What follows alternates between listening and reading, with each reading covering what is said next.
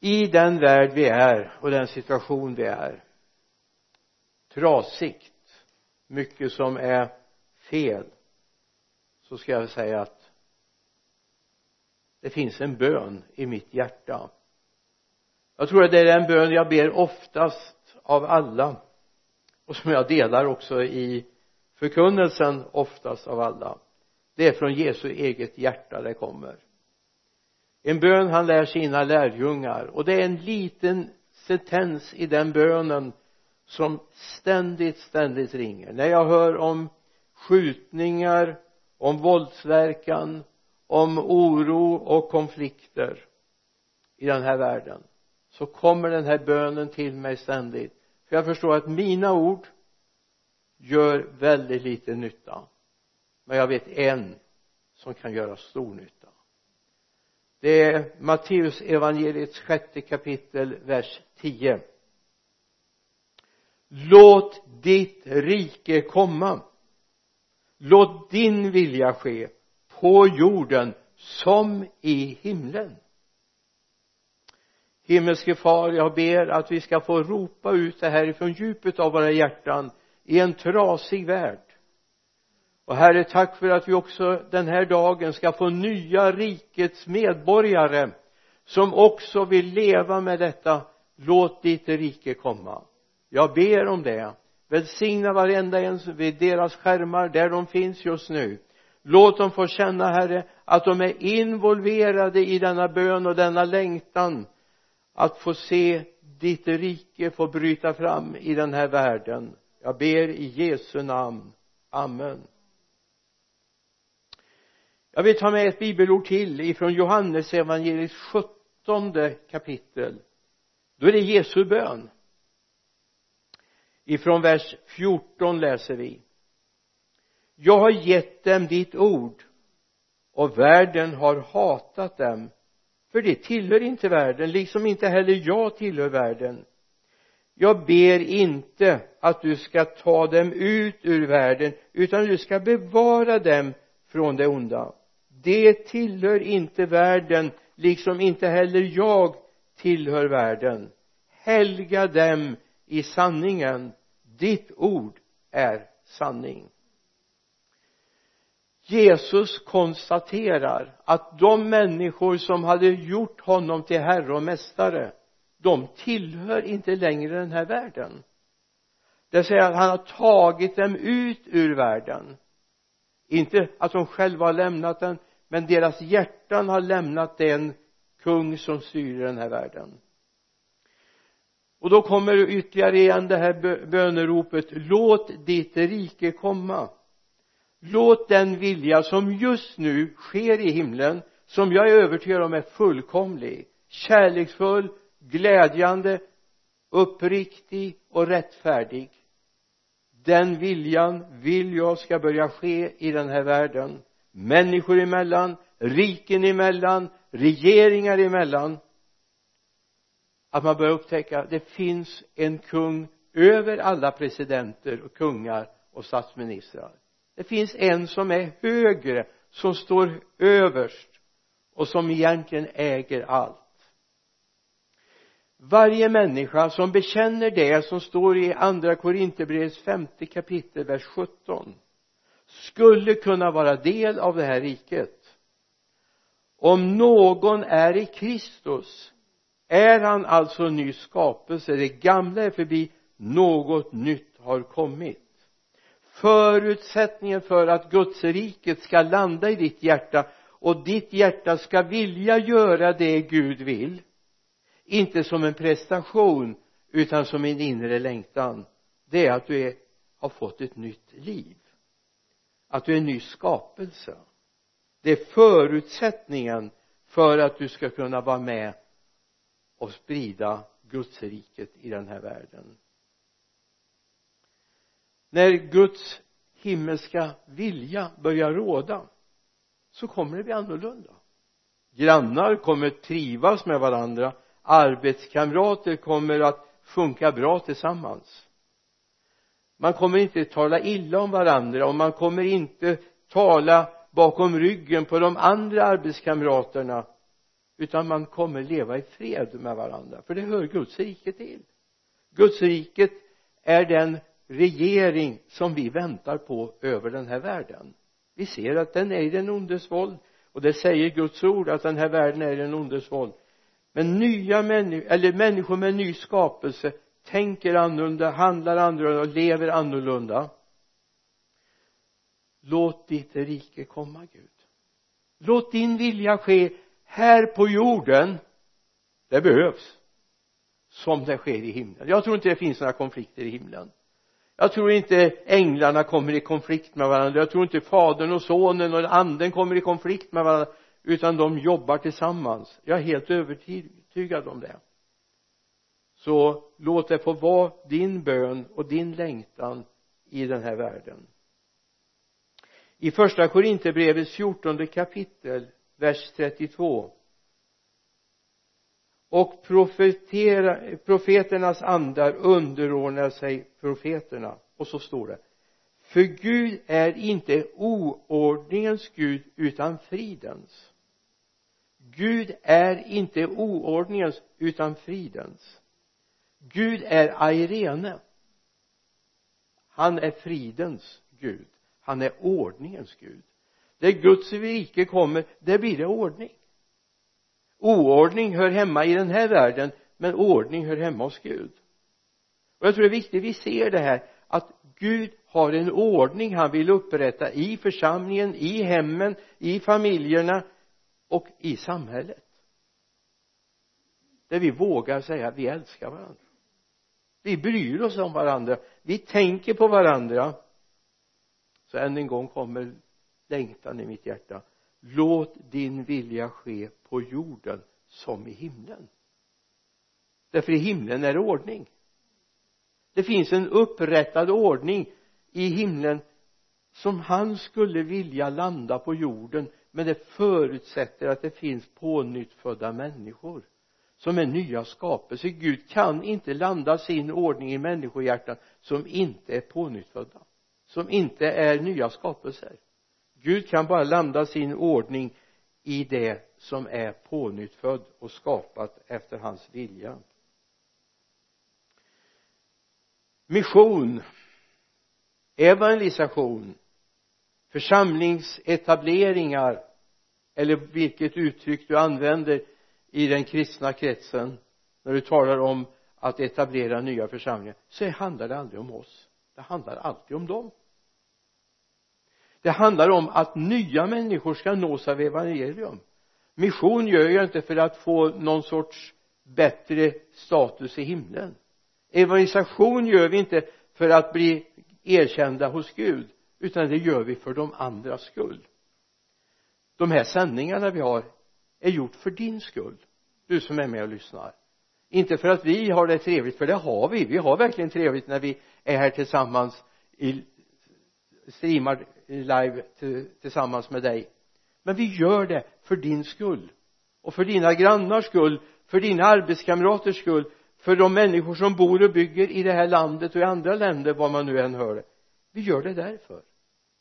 För när Jesus sänder ut sina lärjungar. Matteus 10 vi skulle kunna läsa i första verserna talar om hur han ger dem makt till.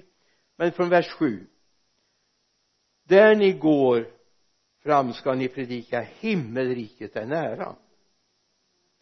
Bota sjuka, uppväck döda, gör spetälska rena och driv ut onda andar. Det ni har fått som gåva ska ni ge som gåva först utrustar han dem om du tittar i vers 1, 2 i tionde kapitlet så ska vi se i sjunde kapitlet så där ni går fram ska ni predika himmelriket är nära. Bota sjuka, uppväck döda, gör spetälska rena, driv ut onda andar. Det ni har fått som gåva ska ni ge som gåva. Det handlar om att sprida fridens rike i den här världen det handlar om att människor ska få tag i det som hör Gud till. Att människor ska få en harmoni i sitt liv tillsammans. När världsvärlden och framförallt vårt land drabbades fruktansvärt under mitten av 1800-talet dryckenskap miss, eh, eh, misshushållning av resurserna lantgårdar låg för fäfot och inte brukades. Det var verkligen kaos i vårt land. Jag är väldigt tacksam att jag inte behövde leva på den tiden. Smålandsbygderna drabbades väldigt hårt. Men i mitten av 1800-talet efter enträgen bön hos ett fåtal människor så kom en väckelse över de bygderna. Människor restes ur sin misär. Samhällen restes upp, familjer restes upp och individer restes upp. Alla kunde ju inte åka till USA och skaffa sig ett bättre liv. En del var faktiskt tvungna att ta sig till Sams och börja ta emot Jesus. Väckelsen gick fram dryckenskapen gick ner omoralen minskade brottsligheten gick ner etc etc varför då? Jo himmelriket började landa i människors hjärtan. Och det påverkade också det omgivningen. Det påverkade människor som levde och byggde, bodde i de här områdena. Kapell byggdes. Människor började samlas till bön och lovsång. Man sjöng långa sånger på den tiden.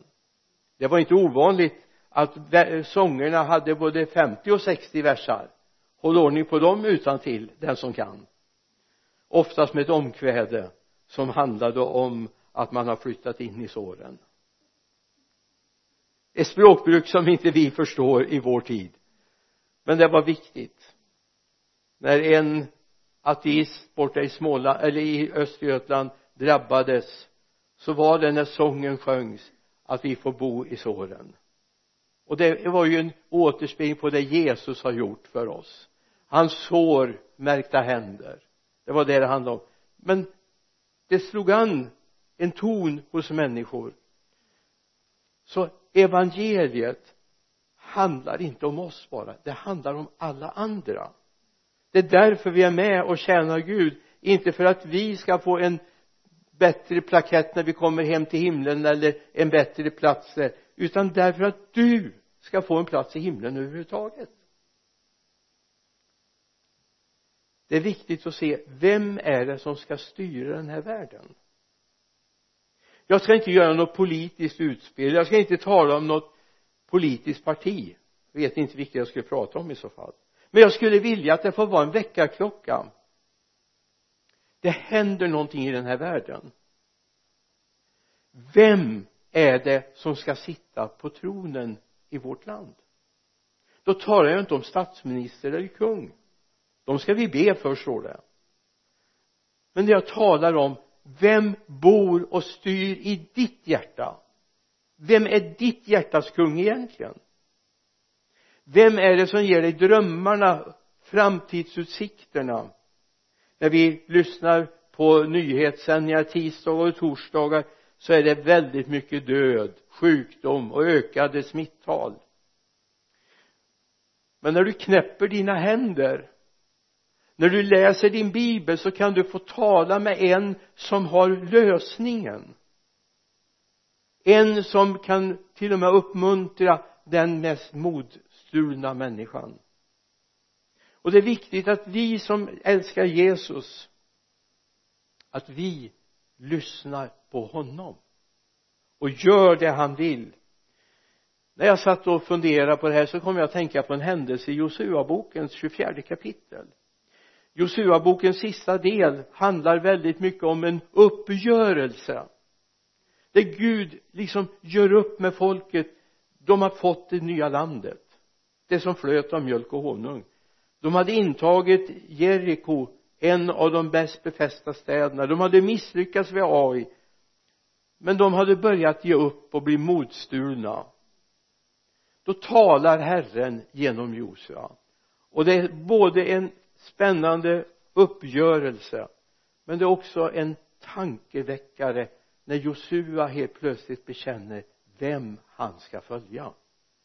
Josua 24, 13 och jag gav er ett land som ni inte hade arbetat med och städer som ni inte hade byggt. Och i dem fick ni bo ni fick äta av vingårdar och olivlundar som ni inte hade planterat. Så frukta nu Herren och tjäna honom helhjärtat och i sanning. Gör er av med era gud, de gudar ni, som era fäder tjänade på andra sidan floden och Egypten. Och tjäna Herren. Men om ni inte vill tjäna Herren så välj då vem ni vill tjäna. Antingen de gudar som era fäder tjänade på andra sidan floden eller de gudar som dyrkas av amoreerna vilkas land, i vilkas land ni bor. Men jag och mitt hus vi vill tjäna Herren. Och jag tror att det här är en bekännelse. När vi lever i en värld, ett sammanhang där människor faktiskt är mer intresserade av det som finns här och nu. Penning törsten att få göra alla upplevelser alla andra har gjort. Att tjäna det som hör den här världen till. Josua hade gjort det klart. Men jag och mitt hus vi vill tjäna Herren. Josua beslutade sig har du beslutat dig? Ska vi vara med i bönen igen? Låt ditt rike komma. Låt din vilja ske på jorden som i himlen. Det är min bön och jag hoppas det är din bön att be den bönen. I första Johannesbrevets femte kapitel vers 19 läser vi. Där konstaterar Johannes så här. Vi vet att vi är av Gud och att hela världen är i den ondes våld. Vi vet att vi är av Gud. Amen. Och vi vet att hela världen är i den ondes våld. Vi vet det. Men vi ber ju att den här världen ska få uppleva en församling som reser sig upp därför de tjänar en annan gud än den försam eller det människor i den här världen gör vi tjänar honom som älskar och som är ordningens Gud. Guds rike ska komma. Vad är Guds rike? Det är inte ett land med gränser som länder har här. Utan Jesus säger så här i Lukas 17, 20 och 21 då Jesus blev tillfrågad av fariseerna om när Guds rike skulle komma svarade han Guds rike kommer inte så man kan se det med ögonen. Ingen ska kunna säga se här är det eller där är det. Nej Guds rike är mitt ibland er. Vad är det han säger? Där Jesus är i centrum. Vårt fokus är Jesus där är Guds rike när vi har vårt fokus och vi samlas i hans namn när du ber om att han ska vara i ditt hjärta där du sitter just nu där är Guds rike. Och där vill Guds rike växa sig till starkt i din miljö. Så du kan inte färdas eller göra en utflykt till Guds rike. Guds rike är i oss med oss. Och Guds rike säger Paulus är rättfärdighet, frid och glädje i anden rättfärdighet, glädje eller frid och glädje i anden. Det är karaktären som finns i det riket som är Guds rike. I romarbrevets fjortonde kapitel läser vi från vers 16 låt därför inte det goda ni fått bli smädat. Vers 17 Guds rike är inte mat och dryck utan rättfärdighet, frid och glädje i den heliga ande. Den som tjänar Kristus på det sättet behagar Gud och blir erkänd av människor. Låt oss därför sträva efter det som tjänar friden och efter ömsesidig uppbyggelse. Vilken härlig hälsning! Låt oss sträva efter det. Att en rättfärdighet ska ha det begreppet i vårt bibelstudium på fredag kväll. Tyvärr kan jag inte bjuda in alla er men eh, det kanske kommer någon repris framöver. Om rättfärdighet att vara rättfärdig inför Gud. Att vara rättfärdig inför Gud. Så det är ingenting som jag tar på mig som någon medalj utan det är att jag är rättfärdig när Gud kallar på mig. Guds rike är också det som vi läser om i Efesierbrevets andra kapitel vers 6 han har uppväckt oss med honom och satt oss med honom i den himmelska världen i Kristus Jesus.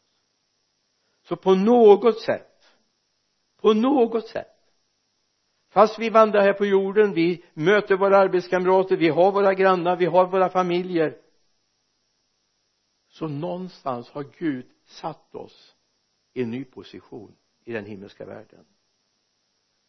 Ett rike av frid rättfärdighet och glädje och det ska fylla oss. Ett rike som är fyllt av hans närhet.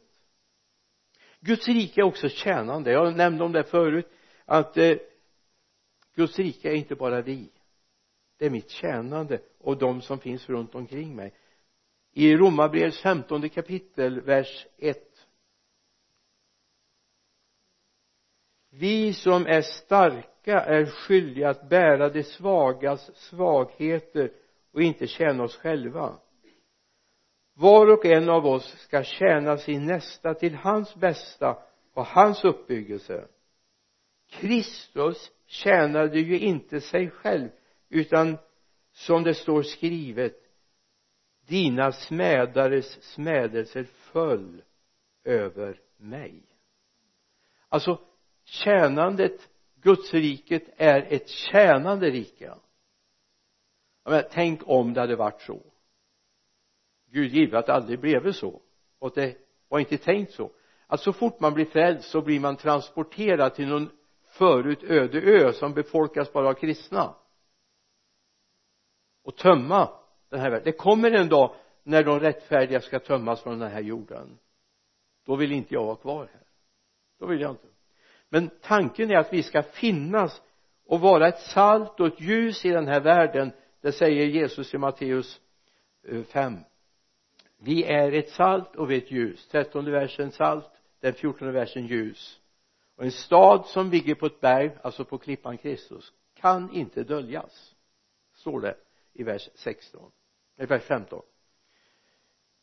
så Guds rike är till för alla dem. Jag sa det förut och jag vill påminna om det igen. Guds rike är till för dem som inte inte har möjlighet att vara här. Som inte ännu har satt sin fot i en kyrka. De som ännu inte har lärt känna Jesus det är därför du och jag finns. Vi finns ju för deras skull. Inte för att rädda oss själva. För många år sedan hörde jag en, eh, cancerforskare. Han hette ja nu tappade jag namnet på honom. Han var pastor och cancerforskare och ordförande i en församling uppe i Stockholm Korskyrkan Stockholm försöker te på min fru här om hon kommer ihåg namnet. Men han säger så här i en predikan han håller på en konferens. Jag har nu hållit på i 15 år och forskat i denna gåta cancer. Och det är klart det här är 60-talet, 70-talet kanske. Och de har inte kommit så långt som de har kommit nu. De hade börjat göra vissa framsteg. Hur man kunde identifiera cancersorter och så vidare. Men jag sa tänk om jag så här skulle komma på lösningen, gåtan till cancern. Men jag tänker så här, nej men jag sparar det här några år så kanske det blir ännu större och så kanske jag får Nobels fredspris eller Nobels eh, medicinpris. Skulle jag då tio år senare säga jag hade lösningen för tio år sedan men jag har sparat den till nu. Då skulle människor säga du mördare. Du svikare. Och det är sant det vore så. Om någon har kommit på lösningen men bara tänkt så här om jag sparar lite kanske jag kan vinna få mer vinning av det. Så är det med evangeliet. Du och jag som har fått ta emot Jesus. Du och jag som är pånyttfödda kristna. Vi har fått ett ärende att bära ut att berätta. Låt oss inte tiga med det. Evangeliet ska sås ut i den här världen en del kommer ta emot det andra förnekar det. Men vi har ett uppgift att bära ut det. Så vi fortsätter att be. Låt ditt rike komma. Låt din vilja ske här på jorden som det sker i himlen. Låt det ske Gud. Låt det ske. Det är vår bön och vår längtan att det ska få ske i den här tiden. Jesus sa ju så här jag har gett dem ditt ord och världen har hatat dem för de tillhör inte världen liksom inte heller jag tillhör världen. Jag ber inte att du ska ta dem ut ur världen utan du ska bevara dem från det onda. Så du och jag som är Guds rikes medborgare du och jag som är bärare av Guds rike i den här världen vi har en som ber för oss. Vi har en som ber för oss och inte vem som helst det är han som betalade priset för ditt och mitt liv. De tillhör inte världen liksom inte heller jag tillhör världen. Helga dem i sanning. Rena dem i sanning. Ditt ord är sanning. Så ordet är jätteviktigt. I eh, Jeremias bok det 32 kapitlet vill jag läsa några versar några versar som talade till mig själv när jag satt här. Vers 40 jag ska sluta ett evigt förbund med dem som, med dem så att jag in, så att jag inte vänder mig från dem och slutar att göra dem gott. Och jag ska lägga fruktan för mig i deras hjärtan så att de inte viker av från mig. En del tänker fruktan. Ska vi frukta Gud? Ja det ska vi göra men inte som du tänker. Vi ska inte vara rädda för Gud utan vi ska ha respekt, vördnad för Gud. Jag ska glädja mig över dem och göra dem gott och plantera dem i detta land med trofasthet av hela mitt hjärta och hela min själ. Jag ska plantera i detta rike Guds rike. Vi hör inte den här världen till. Tänk på det när du försöker alliera med den här världen. Du hör inte hemma här. Du hör inte hemma. Du kommer bli missförstådd. Och bli inte arg. Har man inte lärt sig att det finns ett annat rike som inte har sina anknytningspunkter i den här världen? Som inte frågar influenserna i den här världen vad som är rätt och fel utan hänvisar till ordet i bibeln det ska du också hänvisa till. Ordet är viktigt för dig och mig. Så låt oss än en gång knäpp dina händer. Så ber vi tillsammans den tionde versen i Matteus 6 låt ditt rike komma. Låt din vilja ske så som i himmelen så också på jorden. Amen. Gud välsigne dig.